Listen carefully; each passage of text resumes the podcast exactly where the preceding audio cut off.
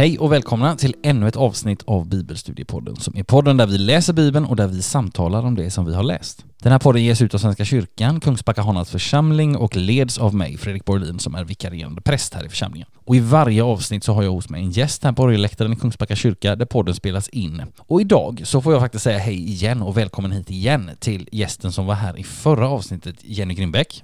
Varmt välkommen hit. Tack. Vi fick ju höra lite om dig i förra avsnittet, men får vi höra lite mer nu? Ja, som sagt, jag är på väg till att bli präst. Japp. Vigs i januari. Mm. Jag kommer från Varberg, men Mm. bor just nu i Lund där jag har pluggat hela min utbildning. Just det. Sådär. Något annat? Vad gör du när du inte pluggar? När jag inte pluggar, ja som många andra just nu så har jag börjat sticka.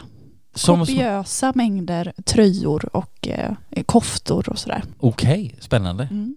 Det är någonting som jag inte har kommit in på än. Nej, Men det, vi- det kommer. Det kommer, ja. det, det gör det kanske. Vi fick ju höra lite mer om dig också i förra avsnittet. Det känns, eh, det känns lite konstigt att fråga vad som har hänt sen sist eftersom vi spelar in de här båda avsnitten samma lördagsmorgon. Och jag ska bara också säga att den här lilla Ambrovinchen, det är till för att förbereda oss för lite semestertider så att podden kan hålla på hela sommaren. Men jag tänkte du ska få en annan allmän bibelfråga också innan vi drar igång. Så jag tänkte fråga dig så här Jenny, hur gör du när du stöter på svåra bibelställen eller utmanande bibelställen? Jag tycker att de utmanande bibelställena är de som ofta ger mig mest. Mm. Så jag tycker om att stöta på svåra bibelställen. Mm. Men rent så praktiskt så brukar jag prata med någon Ja. som har eh, kunskap och som har tänkt innan. Mm. Och det är också mycket litteratur. Alltså det Mm. finns, det, ja, som sagt, det finns människor som har tänkt innan. Mm. Och i mitt eget läsande så försöker jag se var Gud är och kanske också var Gud inte är i texten.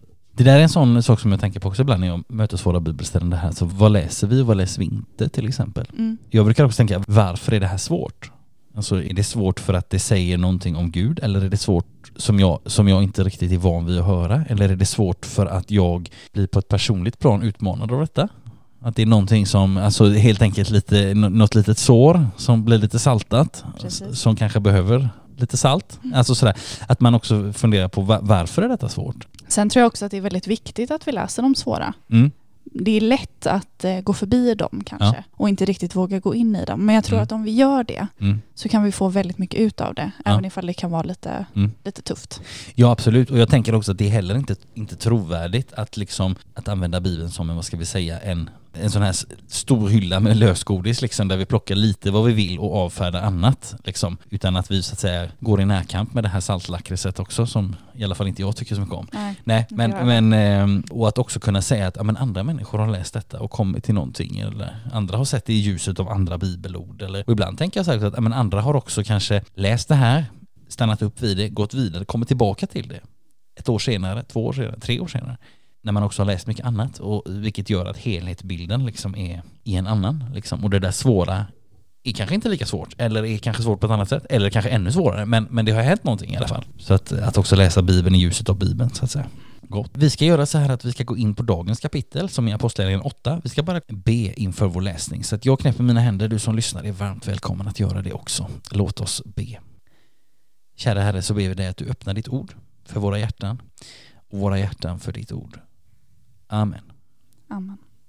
Ja, idag ska vi alltså läsa Apostlagärningarna 8 och ett ord som har följt oss ett par kapitel nu, det är förföljelse eller motstånd. Det är ord som också karaktäriserar i alla fall stora delar av dagens kapitel. Inte minst det där som vi ska få läsa om nu i det allra första, mycket korta avsnittet. Men jag tycker inte att det här med förföljelse och motstånd som vi har liksom stött på mycket nu de sista kapitlen vi har läst, jag tycker inte att det präglar hela kapitlet. Skulle man sätta en rubrik på dagens kapitel så skulle det kanske snarare vara det där begreppet som vi har nämnt innan vid flera tillfällen och som på ett sätt hela apostlagärningarna handlar om, det vill säga ringa på vattnet. Alltså budskapet sprider sig och det, vä- det väcker blandade reaktioner och vi ska titta lite närmare på vilka reaktioner det handlar om i dagens avsnitt. Så vi ska börja med att läsa det första avsnittet och det blir Jenny som läser det här idag också, vilket känns gott. Eh, så vi ska börja med att lyssna till när Jenny läser det avsnitt som i min bibel heter Saul förföljer de kristna. Också Saul tyckte det var riktigt att han dödades. Den dagen började en svår förföljelse mot församlingen i Jerusalem och alla utom apostlarna skingrades över hela Judeen och Samarien. Några fromma män begravde Stefanos och höll en stor dödsklagan över honom. Men Saul for hårt fram mot församlingen. Han trängde in i hus efter hus, släpade bort män och kvinnor och lät sätta dem i fängelse. Tack så mycket Jenny. Ja, nu gör alltså Saul entré, eller Paulus som är det namn som han senare kommer att bli mest känd som, eller som han kommer att uppträda under så att säga. Men vi väntar med, tänker jag, att prata om just det där med namnbytet eller vad vi ska kalla det. Vi väntar med att prata om det tills det sker och det får vi vänta ett par kapitel för det sker i Apostlagärningarna 13. Men nu gör den här giganten entré. Och det är lite, tycker jag, alltså det man kan säga om det här avsnittet, tycker jag, det är lite intressant att det här lilla, den här lilla textsnutten, att Lukas har satt in den här. Alltså han kunde ju faktiskt lika gärna ha skrivit om detta som en liten inledning till vem Paulus var alldeles innan han berättar om Sauls omvändelse på vägen till Damaskus, alltså i nästa kapitel. En välkänd och mycket, mycket viktig händelse i Apostlagärningarna som vi får läsa om alltså i nästa kapitel. Och Lukas hade ju på något sätt när han skriver detta, han hade kunnat berätta det när, när liksom Paulus kommer in mer på allvar på något sätt eller liksom när, när den här omvändelsen sker. Men det här lilla avsnittet, att det hamnar här, tänker jag, det hjälper oss att, att se någonting mycket viktigt i apostlagärningarna, nämligen att flera saker liksom händer och pågår och utvecklas samtidigt. Både motståndet som Saul framförallt men också andra utövar och så samtidigt det här med ringarna på vattnet. Budskapet som hela tiden sprider sig och väcker olika typer av reaktioner och som vi kommer stöta på mer av i dagens kapitel. Och det här är intressant, alltså det här att växten för församlingen, församlingens växt och förföljelsen sker liksom sida vid sida. Och det behöver vi också ha med oss när vi läser apostlagärningarna. Alltså sam, och faktum är att samma sak ser vi ju faktiskt idag. Alltså på de håll i världen där kyrkan är som mest förföljd och, och ansatt, liksom, där är också några av kyrkans främsta växtplatser. Där sprider sig budskapet som allra kraftigast. Och det fenomenet, liksom, att förföljelse och andlig tillväxt finns sida vid sida, det möter vi redan här i apostlagärningarna.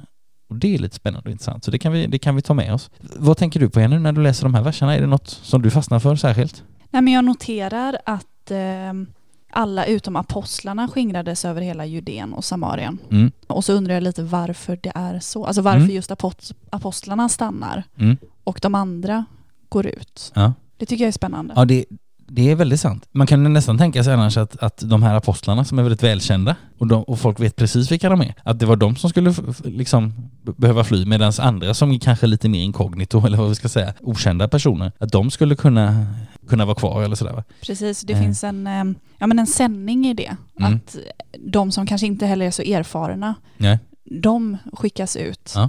Och skingras. Å andra sidan så står det ju inte att detta är en mission de skickas ut på. Nej. Det är kanske vad jag läser in. Nej, nej men, Men, nej, nej, det är sant. Och jag tänker så här, samt, vi kan ju se ett eko här tillbaka. Alltså, tänker vi på Marcus evangeliet. Jesus kallar sina lärjungar i kapitel 3 och i kapitel 6 så skickar han ut dem. Liksom att göra det som han gör. Och man kan kanske nästan tänka sig något liknande här, att de här som har funnits med och som vi inte vet så mycket om, men som ändå, jag menar, vi hör om att församlingen växer och så vidare. De skickas nu ut på något sätt. Jag tänker att det går absolut att läsa in en sån sändning, eh, utan tvekan alltså.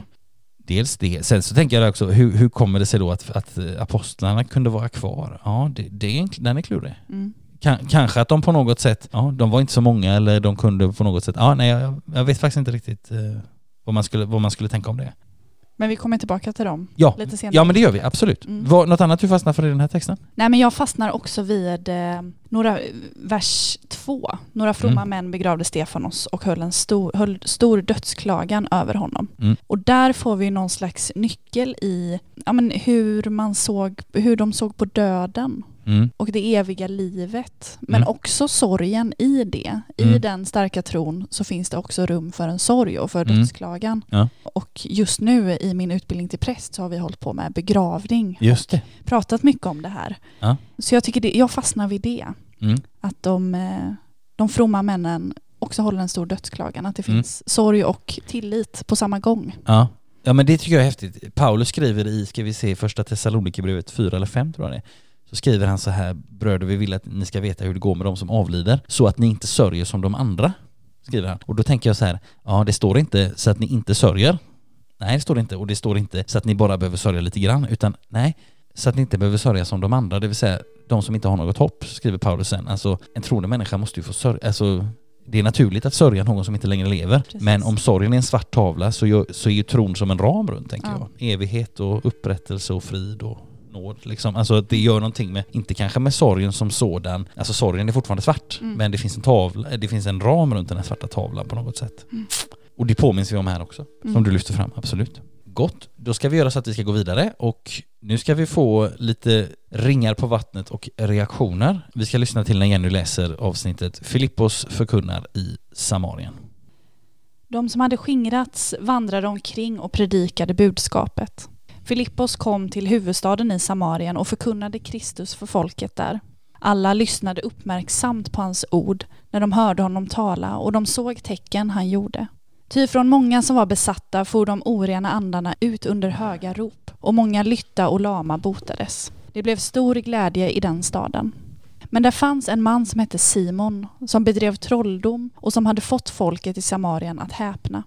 Han gav sig ut för att vara något stort och fick alla med sig, hög som låg, och de sa han är Guds kraft, den som kallas den stora kraften.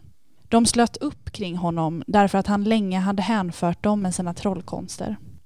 Men när de hade börjat tro på Filippos och hans budskap om Guds rike och Jesu Kristi namn lät de döpa sig, både män och kvinnor. Simon kom själv till tro.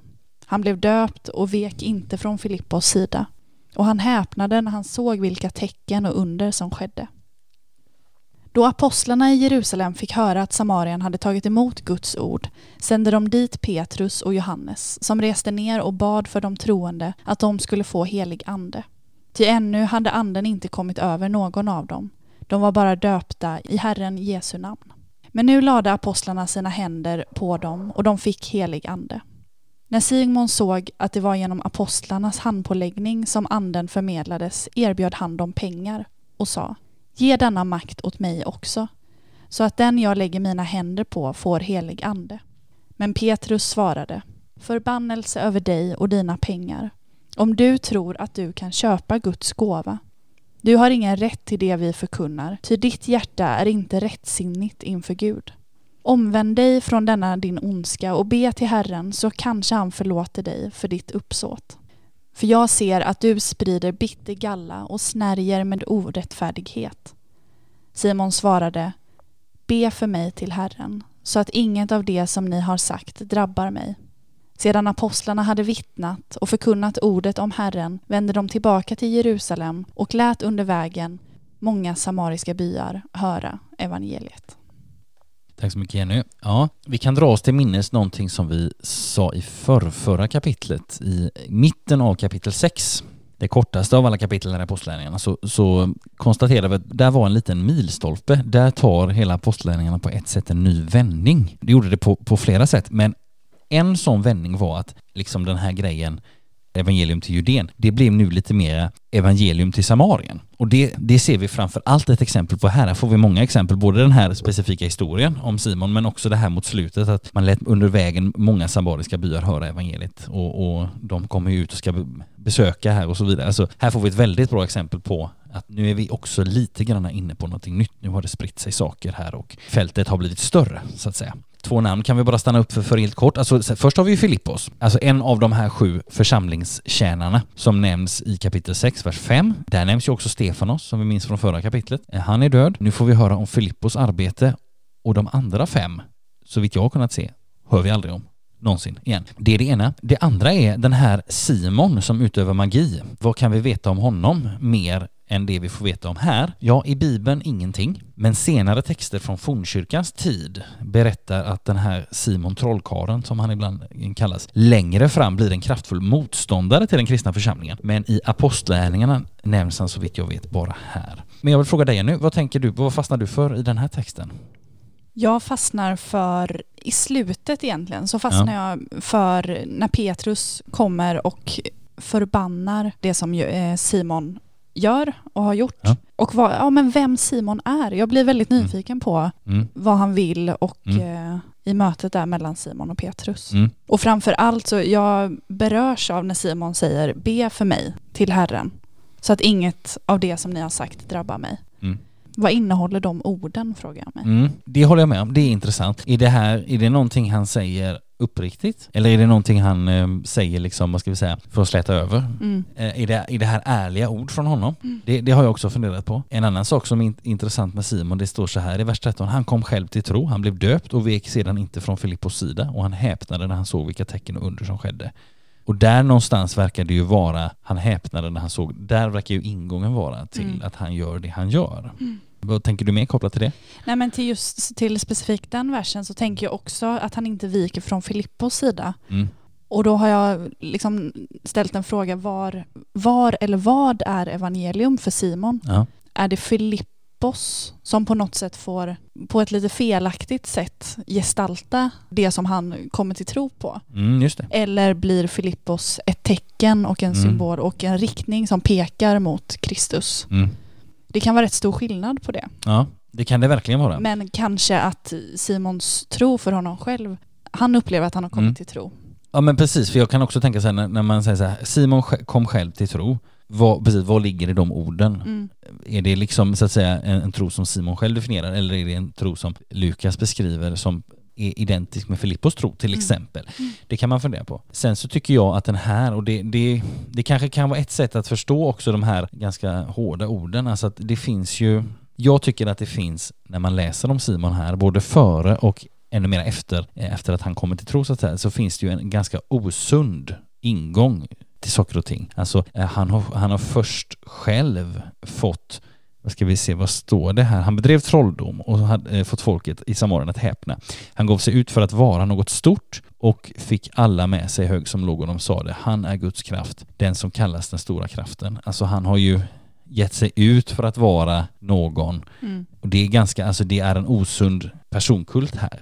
Just Alltså det, det får vi aldrig höra att någon av de andra apostlarna gör Nej. ger sig ut för att vara något. Eller vi kan, vi kan tänka på några kapitel fram så är det väl, nu ska vi se, det är väl Paulus och Barnabas som kommer till något ställe och så blir de misstagna för att vara Zeus och Hermes. Det är någonstans, ja det är ett par kapitel fram. Och de blir direkt så här, svär ifrån sig det här direkt. Absolut inte. Vi kommer i Jesu namn. Och det, jag tänker att här finns det en väldigt osund, här finns en väldigt osund koppling till Simons person. Att det var han som skulle besitta, ungefär som att han är någon slags guru eller någonting Just det. eh, en person som man ska följa. Och då kan man tänka så här, det innebär ju inte att, att Simon inte skulle kunna komma till en genuin tro på, på Jesus Nej. och, och liksom få, få vara en del. Men, men det, är också, det är återigen det här med omvändelse. Alltså att om Stefanos i förra avsnittet pratar om det här ska ni vända er bort ifrån liksom. Men han talar inte så mycket om vad ni ska vända er till. Så finns det också någonting bristfälligt här att Simon har på något sätt vänt sig till det nya. Han viker inte från Filippos sida, han kommer till tro, blir döpt. Men han har inte vänt sig bort ifrån det gamla, Just det. tänker jag. Alltså att han vill fortfarande, och han är till och med beredd att betala för att få den här kraften så att säga. Mm. Alltså där vi säger där, och det är detta som blir så osunt när liksom religion och tro blir någonting som, eh, som jag själv kan slå mynt av, som Mm. jag kan köpa saker, där liksom jag knyter människor till mig Mm. själv. Det finns ju en, en frestelse även för människor idag, präster, att Mm. visar jag på Jesus eller knyter jag människor till mig själv, Mm. då är jag inte mycket bättre än den här gubben. Men det, det ger också en nyckel för mig i, alltså den här bedömningen av tron, den kan jag tycka är lite, lite obehaglig ändå, även ifall jag förstår vad det är som händer i den här Mm. texten, Mm. så kan jag ändå ställa mig frågan hur, hur kan vi bedöma tro som sann och riktig eller som Mm. falsk och på fel grunder? Det, Mm. det, det, är väldigt, det kan vara väldigt svårt. Ja. Men i det som du säger nu, att just ja, men i vilken riktning och knyter jag människor till, till Kristus eller till mig själv? Mm.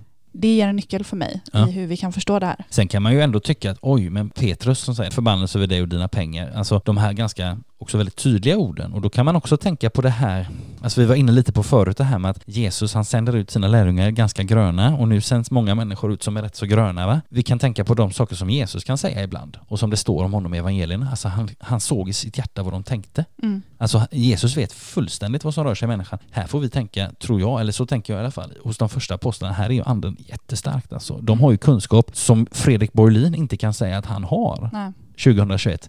Eh, hu- Hur som helst. Sen kan anden verka kunskapens ord i oss och kan liksom hjälpa oss att urskilja saker och så vidare, absolut. Men man kan liksom, alltså när, när Simon, eller när Petrus säger sådana här saker och vi vet att Jesus också har en, har en absolut fullständig kunskap om människor, då tänker jag så här, det betyder inte att vi kan gå och säga vad som helst till folk Nej. eh, utan kunskap, utan den kunskapen ger helig ande Mm.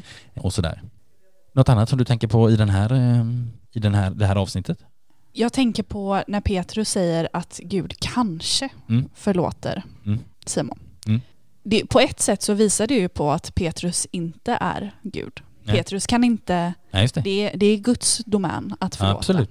Och samtidigt så det där kanske, det, Mm. det kan vara ett rätt jobbigt ord i många situationer kan jag uppleva. Det kan det kanske vara. Ja. ja, nej men det, kan det, det är det absolut. Ja, jag förstår vad du menar. Och hur, ja, precis. Och hur ska vi då förstå den versen så kanske han förlåter dig ditt uppsåt? För den är, den är jätteklurig, absolut.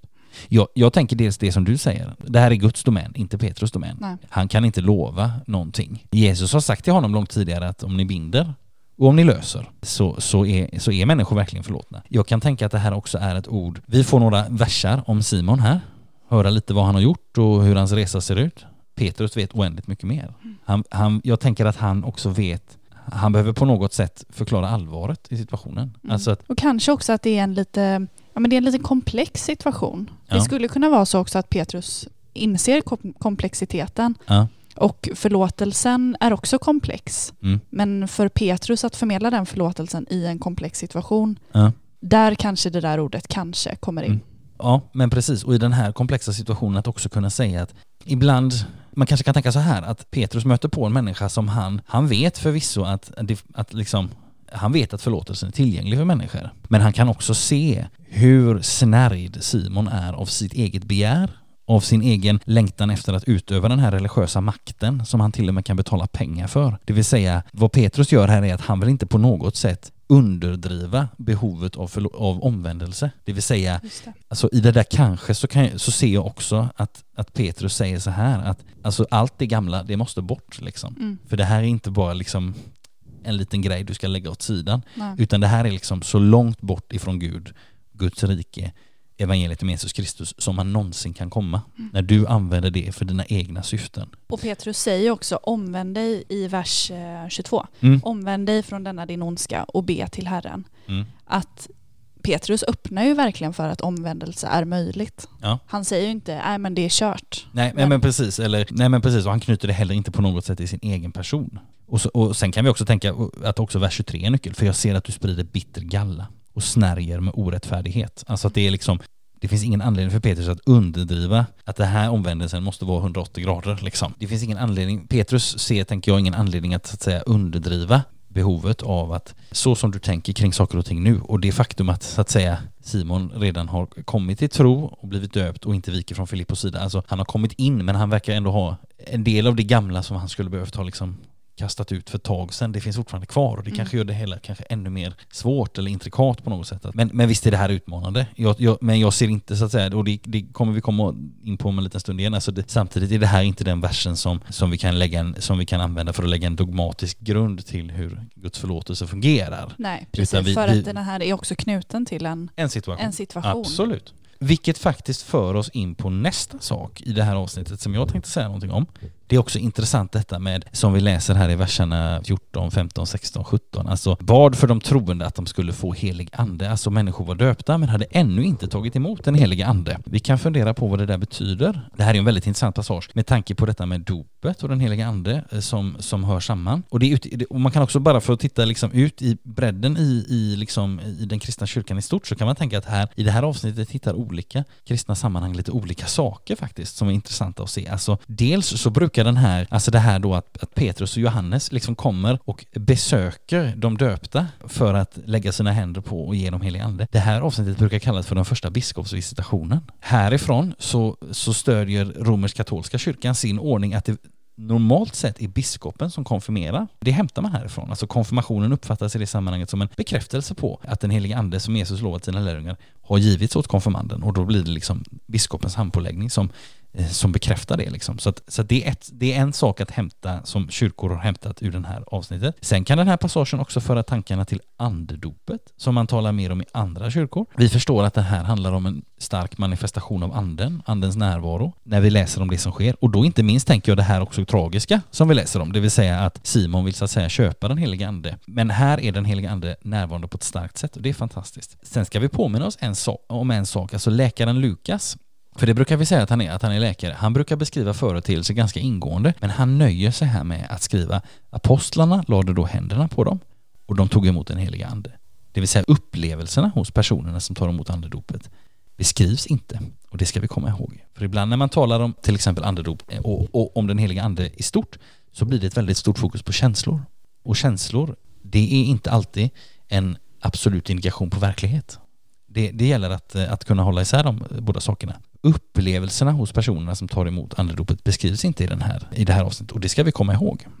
Sen kan man tänka så här, alltså ibland när man talar om andedopet så gör man kopplingen till tungomålstalandet. Utifrån det här som vi kan läsa i Apostlagärningarna 2, det står så här, alla fylldes av helig ande och började tala andra tungomål med de ord som anden ingav dem. Anden verkar i tungomålstalet till exempel, får vi veta där och det är härligt. Men vi ska inte villkora den heliga ande med tungomålstalandet. Eh, är en underbar bok som kan lära oss mycket och som kan lära oss mycket om den heliga ande, men det är ingen systematisk lärobok om den heliga ande. Det är en exempelbok på hur den heliga ande verkar. Och det här har vi varit inne på förr. Lukas är, för att sammanfatta lite enkelt, så är han intresserad av andens manifestation. Alltså han beskriver en mängd exempel på hur anden visar sig kraftfullt, hur anden manifesterar sig här i sin bok Apostlagärningarna. Men, och det ska vi också komma ihåg när vi läser detta, det finns också andra avsnitt som handlar om den heliga ande i Bibeln. I Johannes 14 och Johannes 16 så talar Jesus mycket om den heliga ande. Då skjuter han in sig på anden som den som tänder och upprätthåller tron. Och det är också en sida av den heliga ande som vi måste ha med oss. Där talar inte Jesus om eller beskriver inte kraftig manifestation eller vilka tecken som finns på anden, utan där talar han om att anden tänder tron, han är hjälparen, han vägleder med sanningen, han upprätthåller tron. Så det är två sidor av den heliga ande. Sen kan vi gå till Paulus för det tredje, som försöker ge oss någonting vad vi kan kalla för ett systematiskt eller ett strukturerat sätt att tala om den heliga ande. Vi kan tänka på första Korinthierbrevet 12 till exempel. Vi skulle faktiskt kunna läsa några verser därifrån. Det står så här. I fråga om de andliga gåvorna bröder vill jag också att ni ska ha kunskap. Ni vet att när ni var hedningar drogs ni viljelöst med bort till de stumma avgudarna. Därför vill jag att ni ska förstå att ingen som är fylld av Guds ande säger förbannelse över Jesus och att ingen kan säga Jesus är Herre om han inte är fylld av den heliga ande. Nådegåvorna är olika men anden densamma. Tjänsterna är olika men Herren densamme. Verksamheterna är olika men Gud är densamme. Han som verkar i allt och överallt. Hos var och en framträder anden så att den blir till nytta. Den ene får genom anden gåvan att meddela vishet, den andra kan med samma andes hjälp meddela kunskap. En får tron genom anden, en annan genom samma ande gåvan att bota. En annan får kraft att göra under, en får förmågan att tala profetiskt, en annan att skilja mellan olika andar. En kan tala olika slags tungomål, en annan kan tolka tungomål. Allt detta åstadkommer en och samma ande genom att fördela sina gåvor på var och en så som den själv vill. Alltså man kan säga så här, vi ska inte institutionalisera den helige ande. Det får vi faktiskt en varning om i dagens text. Skulle man kunna säga, alltså detta med att försöka köpa andens kraft. Utan vi ska leva öppna för den helige ande. Det är en sån här god grundtanke. Vi ska leva i vårat dop som också är att leva i förväntan på att Gud alltid har mer att ge. Och vi ska akta oss mycket noga för allting som andas jag och mig och min och mitt. Det som Simon trollkarlen är väldigt uppfylld av. Vi ska akta oss för sånt. Jag, mig, min, mitt, mina moraliska segrar, mina andliga insikter och erfarenheter, de har ju Gud gett oss för att han älskar oss och vill leva i gemenskap med oss och visa för oss att vi är hans älskade ögonstenar. Inte för att jag har förtjänat dem eller är mer utvald eller mer ögonsten än någon annan. Utan det handlar om, allt handlar om Jesus, men jag får vara med ändå och det är nåd. Och det gäller också mig och dig som lyssnar. Gud ger anden utan att mäta, läser vi Johannes 3. Anden är en gåva av nåd. Vinden blåser vart den vill och du hör den blåsa men du vet inte varifrån den kommer eller vart den far. Så är det med var och en som har fötts av anden. Också det från Johannes 3. Och det är också intressant att fundera då över nästa avsnitt. Hur verkar anden där? Redan i ordet skulle jag säga. Jag tänker att vi ska gå vidare och läsa det nu. Så vi ska lyssna till när Jenny läser om Filippos och den etiopiske hovmannen. En ängel från Herren sa till Filippos Gå nu vid middagstiden ut på vägen som leder från Jerusalem ner till Gaza. Den ligger öde. Han gick genast. Då kom där en etiopier som var mäktig hovenuck hos Kandake, den etiopiska drottningen, och hade ansvaret för hela hennes skattekammare. Han hade farit till Jerusalem för att tillbe Gud och var nu på väg hem och satt i sin vagn och läste profeten Jesaja. Anden sa till Filippos, gå fram till vagnen och håll dig intill den. Filippos skyndade fram och när han hörde mannen läsa profeten Jesaja frågade han Förstår du vad du läser? Hur skulle jag kunna, kunna det utan att någon vägleder mig? svarade mannen. Och han bad Filippos stiga upp och sätta sig bredvid honom. Skriftstället som han läste var detta. Liksom ett får som leds till slakt, liksom ett lamm som är tyst inför den som klipper det, öppnade han inte sin mun. Genom förödmjukelsen blev hans dom upphävd. Vem kan räkna hans efterkommande när hans liv nu upphöjs från jorden? Hovmannen frågade Filippos, Säg mig, vem talar profeten om? Sig själv eller någon annan? Filippos tog då till orda och med skriftstället som utgångspunkt förkunnade han budskapet om Jesus för honom. När de färdades vägen fram kom de till ett ställe med vatten och hovmannen sa Här finns vatten. Är det något som hindrar att jag blir döpt? Han lät stanna vagnen och båda två, Filippos och hovmannen, steg ner i vattnet och Filippos döpte honom. När de hade stigit upp ur vattnet ryckte Herrens ande bort Filippos och hovmannen såg honom inte mer. Han fortsatte sin resa fylld av glädje. Men Filippos visade sig hade kommit till Ashdod och sedan gick han från stad till stad och förkunnade budskapet tills han kom till Caesarea. Tack så mycket Jenny. Ja, nu fick vi till oss någonting helt annat än i det förra avsnittet. några sådana ord vi bara kan bara stryka under som kan vara lite intressant att känna till. Vi får höra om en etiopisk hovman, det vill säga en nubier, alltså någon som var från det nuvarande Sudan troligtvis. Det står att han var enuck, alltså det vill säga kastrerad, vilket inte var särskilt ovanligt bland Orientens hovmän. Vi får veta att den här etiopiska hovmannen var enuck hos Kandake och det är alltså den etiopiska drottningen, det dåtida etiopiska riket som omfattade mer än dagens Etiopien. Eh, alltså det, Kandake är den etiopiska drottningens titel som senare har kommit att uppfattas också som ett namn. Det kan vara intressant att känna till. Det står att Filippos hörde honom läsa. Alltså under antiken så läste man normalt högt, även om man var ensam. Det är också en sån här liten kul grej att känna till. Och sen, det här tycker jag är så intressant, om vi tänker på förra avsnittet. Vad var liksom Simon trollkarlens väg in? Ja, det var all kraft, all manifestation och han kom direkt in på en tanke, hur kan jag slå mynt av detta? Vad kan jag tjäna på detta? På något sätt va? Här får vi höra om någon som läser Jesaja 53 om Herrens lidande tjänare. Intressant nog är det just den här centrala profetian, inte om den stora kraften eller något sånt där som Simon verkar ha kommit in på i förra avsnittet, utan om den lidande tjänaren som blir ingången till det som sen skall komma. Och det är också intressant tycker jag att med det skriftstället som utgångspunkt förkunnade han budskapet. Alltså där, ja, det, det är något helt annat än det som, och det tänker jag också är en sån här intressant sak i det här kapitlet, att det är en kontrast här mellan olika ingångar och här, här får vi möta den här etiopiska hovmannen som får en helt annan ingång. Vad tänker du på Jenny när du läser detta?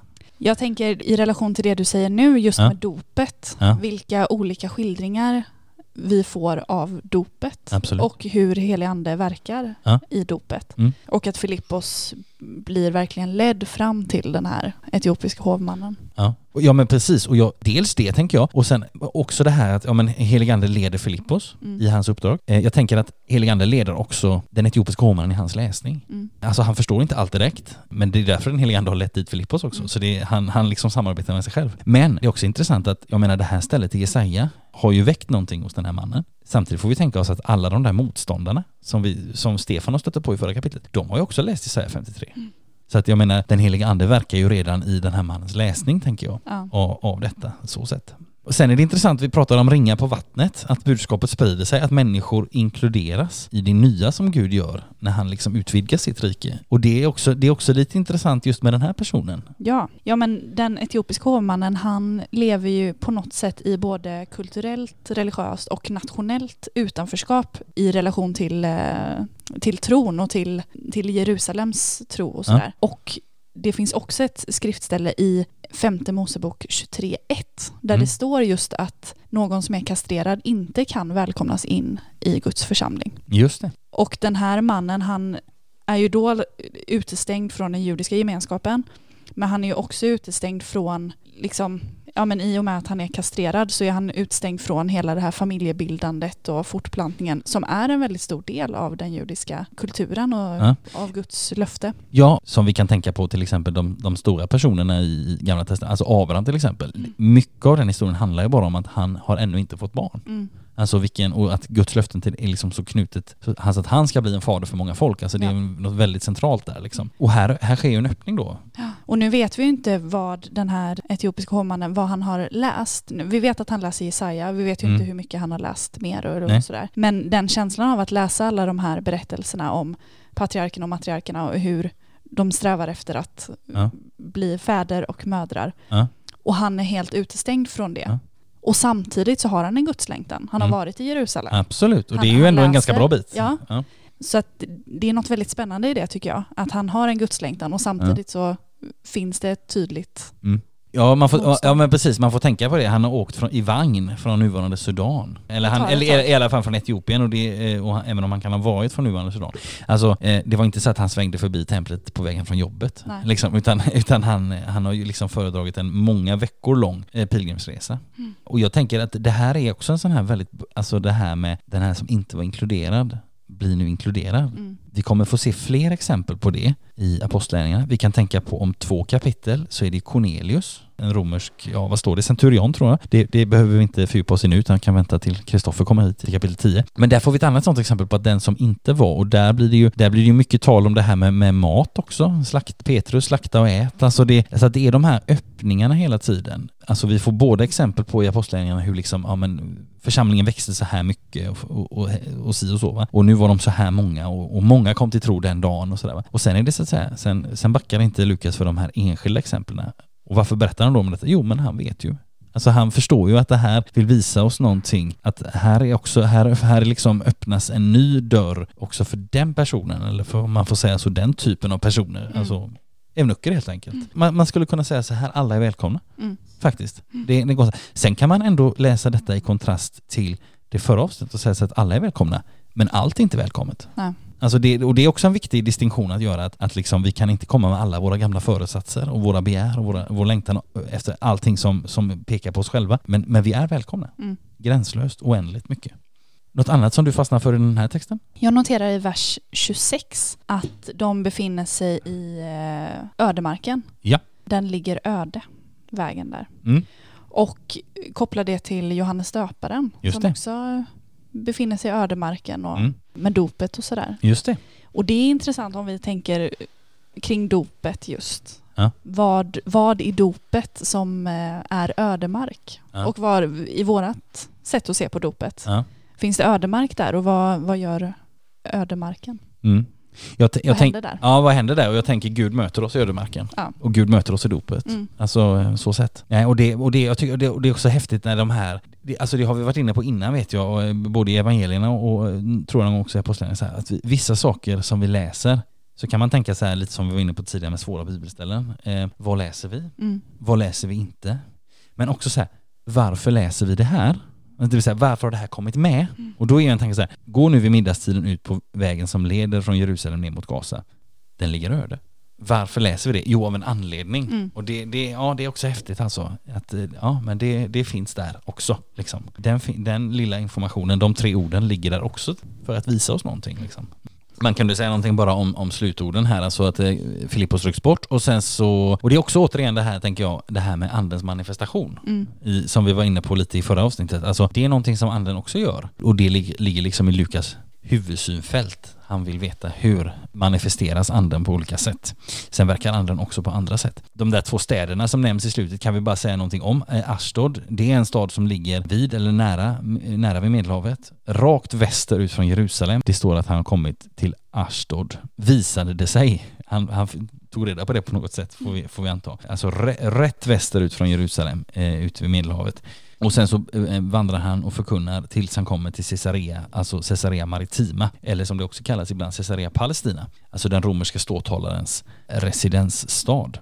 Och det är, kan vi också vara medvetna om, ungefär åtta mil norr om Ashdod. Så då får vi en känsla av att han har nog ändå, det här har tagit ett par dagar Mm. för honom. Och speciellt om han har stannat och predikat och inte bara haft en liten kort andakt utan, utan gått, gått på ganska rejält så att säga. Den romerske ståthållarens residensstad, det kan vi också bara nämna som en sån här liten påminnelse. Jag är ganska säker på att vi har talat om Pontius Pilatus tidigare här i podden. Den romerske ståthållaren som medverkade till Jesu dödsdom och död. Han bodde ju inte i Jerusalem utan just då i Caesarea Maritima som Filippos eh, kom till här.